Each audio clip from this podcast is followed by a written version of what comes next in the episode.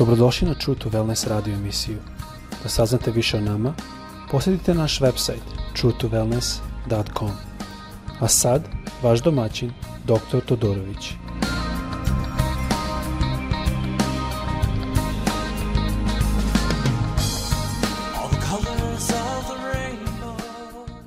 Ljubazni, dobrodošli na naš podcast. Kao što znate, radimo ovaj podcast iz Floride izvinjam se, moj naglasak malo i moj e, srpski jezik su malo slabiji. A, želim danas da nastavimo ovaj deo 4 gde govorimo o Isusu i Samarčankom a, s kojim se on sreo. A, pokazali smo ranije da je on namerno otišao tim putem, jako većinu jevreja su išli drugim putem pred Jeriha. A, govorili smo o tome da je to u pustinji se dešavalo i zašto ova žena išla sred a dana, to jest u podne, u sred pustinje da uzima vodu i kako je ona reputaciju imala među ljudima. Onda smo isto govorili o tome da kako ona počela sa gospodom da govori sa Isusom, e, uspoređivajući sa Jakovom, jer ona nije shvatila sa, kom, sa kim ona govori.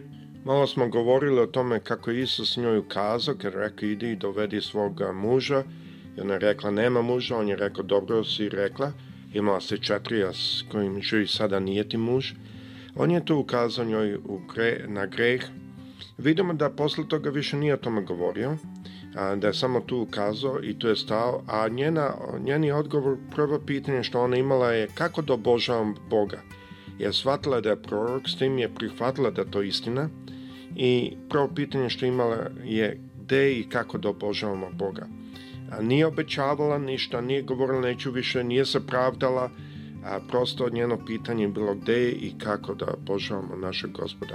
A zanimljivo, tu vidimo neke stvari koji dan danas isto su praksa, a, gde mnogo puta mi danas možda želimo da se opravdamo, želimo da pokažemo drugu sliku, da možda na, iz neke sramote ili što god, ali ona to nije radila, nju je interesilo kako da oni mogu da obožavaju i da služe Bogu.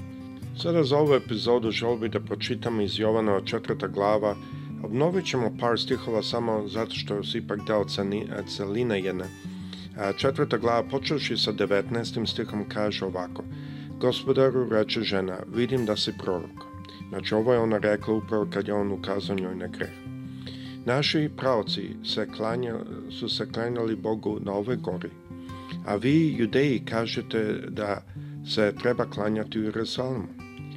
Veruj mi, ženo, reče Isus, dolazi čas kad se nećete klanjati ocu ni ovde, ni u Jerusalimu. Vi se klanjate onom što ne poznate, a mi se klanjamo onom što poznajemo, jer spasenje dolazi od Judeja. Ali dolazi čas i već je tu, kada će se istinski klanjoci klanjati ocu u duhu i istini, jer otac baš takve klanjoce želi. Bog je duh. Oni koji mu se klanjaju u duhu i istini treba da se mu se klanjaju. Ovdje vidimo nešto što dolazi, e, što Isus pokazuje, to je došlo sada to doba, e, ona priznaje pravo da je on prorok i pita ga kako trebamo da služimo i Isus kaže dolazi vreme gde neće zavisiti na kojoj planini stojiš. Neće zavisiti šta radiš, kako si obučen, gde ideš, nego će za, sve biti na mestu srca i Isus ukazuje jednu drugu novu vrstu obožavanja koje do tada nije postala, koje je obožavanje sa srcem. On ukazuje u stvari na adapciju, da otac nas želi da adaptira da smo mi njegova deca i da mi hodamo ne u nekom zakonu, nego u zakonu srca.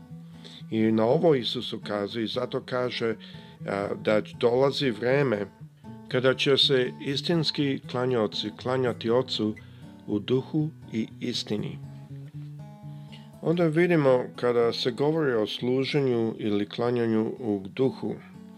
Ovde se odnosi na unutrašnjost vrst, uh, uspoređeno sa spoljašnosti. Ovde se radi o jednom živom duhovnom obožavanju umesto određeni obradi i mrtve religiozne stvari. Ovde se radi o jednom obožavanju koji je u Božem duhu, obožavanju srca, ne u nekoj tradiciji.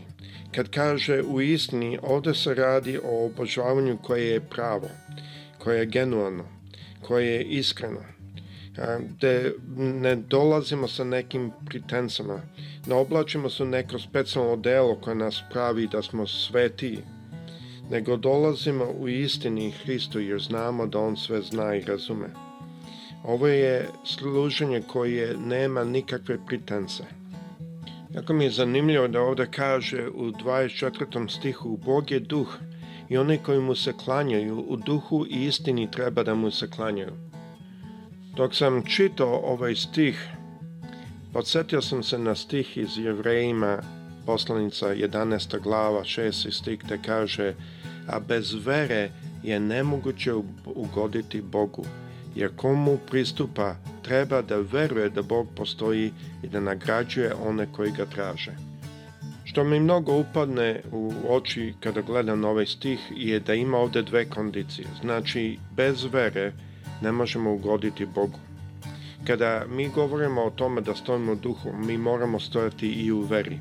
To je u stvari stojanje u duhom. Kada mi verujemo njemu, mi onda duhovno delujemo, ne, telesne stvari ne mogu da na nas imaju previše utucaja. Ali ovde ima dve kondicije. Da možemo stojiti u to veri, mora biti dve stvari. Jedan je da onaj koji dol, mu dolazi treba da veruje da Bog postoji. Znači da verujem da on postoji, da verujem da to jedini Bog, da nema drugog Boga osim njega. Ali ima i druga stvar, da nagrađuje oni koji ga traže. E, ovo i na engleskom još lakše objašnjeno da kaže da, tra, da nagrađuje oni koji traže njega sa dubo, dubinom ili dubokim srcem. Diligently kaže na engleskom. To znači one koji traže jedan odnos sa njim. On, on želi da nagradi one koji žele biti blizu njega. I ovo je jako bitno jer mislim da kada govorimo o tome da e, Bog je duh i on želi oni koji ga služe da ga služe u duhu istini. Radi se o tome da mi moramo njemu prići. A ovde kaže bez vere nemoguće ugoditi Bogu. Nemoguće mu je prići zato što mi trebamo verovati u njemu i želimo da imamo jedan odnos sa njim. Ovo je jako bitno. Kada čitam naredni stih u Evanđelju po Jovanu četvrta glava, stih 25, e, ovde vidimo da žena mu e, reče, znam da će doći Mesija i koji se zove Hristos, kada on dođe sve će nam objasniti. Znači ovde ona shvatila o čemu on govori. On, ona je shvatila da on govori o jednom perfektnom dolasku ka ocu. I onda je zato ona odgovorila i kaže, a pa dolazi Mesija i on kad dođe, on će nam sve objasniti. Ona još uvek nije shvatila da je to on. Ali ovdje je zanimljivo da Isus kaže, ja sam, reče Isus, ja koji s tobom govorim. Ovde je sada Isus objasnio i otvorio da je on Mesaja. I zašto je on to rekao njoj? On je video da je ona spremna da to prihvati, ona samo nije imala to znanje.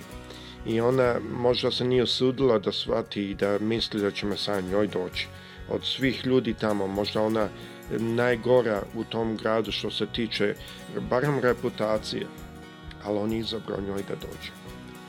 I on je izabrao da koristi nju. I vidite što kaže nanistih. A žena ostavi svoj krčak i ode u grad pa reče ljudima Dođite da vidite čoveka koji mi je rekao sve što sam učinio, da to nije Hristos. Znači ona je već, već imala poverenju to što je Isus rekao, zato što ona ostavila sve tu pored bunara i otišla u grad e, da, i počela pričala ljudima da li nije ovo Hristos. On mi je rekao sve što smo učinili. Ovo je sada potpuno drugo jedno ponašanje osobe koja je dolazila u podne da uzima vodu e, zato što nije htjela da je drugi vide. One, dok svi drugi dolaze ujutro i uveč, ona dolaze u podne da niko ne bi video. Sada kad je imala jedan susret, susret sa Hristom, kad je Isus njoj ukazao na njene greške, sada ona trči u grad i počinje da e, evangeliše u stvari taj grad. a, Ne plaši se, ne brine se šta će ljudi reći i ostavila sve pored bunara, znači dolazi nazad i uspala je u stvari da obrati ceo grad i Isus je bio s njima dva dana. Meni je ovo jako zanimljivo što vidimo da je ona stavila sve tu i otišla u grad. Potpuno promenjen karakter. Više nije to osoba što ide na bunar u 12 posle po, u podne da niko je ne vidi. Ona sad ide u grad i evangeliše. A, tu vidimo da je ona sada dobila u sebi izvor žive vode. I zato Isus njoj rekao ja sam. I ona je morala još jednu stvar da uradi, a to je da prihvati Isusa kao Mesaju kao Hristos. I kad je ona njega prihvatila, odmah je počeo da raste a, živa voda, izvor žive vode u njenom životu. I vidimo rezultat. Ceo grad se obratio oni su posle njoj rekli, sada da ne vremo više samo za reči tvoje, nego smo ga i sami čuli cel se obratio. Znači ovdje ima puno lekcije što možemo videti. Jedno je moramo prepoznati svoj greh, ali ne stojati na tom grehu, ne pokušati sami da ga popravimo. To nije što Isus želi, on samo želi da priznamo greh. Druga stvar, trebamo da tražimo od njega žive vode i samo tim što ćemo tražiti, on će nam dati. Ali u, na, na vrh toga da trebamo priznati svoje grehe, moramo isto prihvatiti njega kao Mesaja i Hristos. Kada te stvari se ispune, nema veze ko smo mi, nema veze kakva je naša reputacija.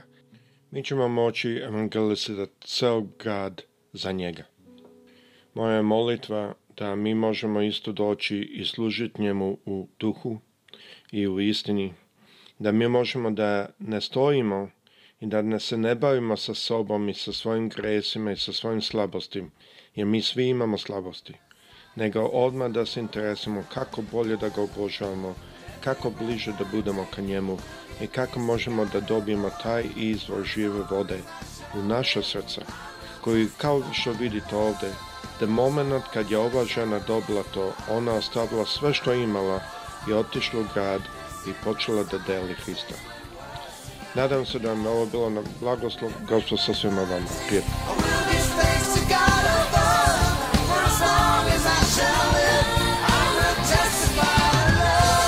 Slušajte True to Wellness radio emisiju. Pridružite nam se ponovo svaki utorak, četvrtak i subotu. Za kontakt molimo posjetiti naš website truetowellness.com. Naša email adresa je info at truetowellness.com.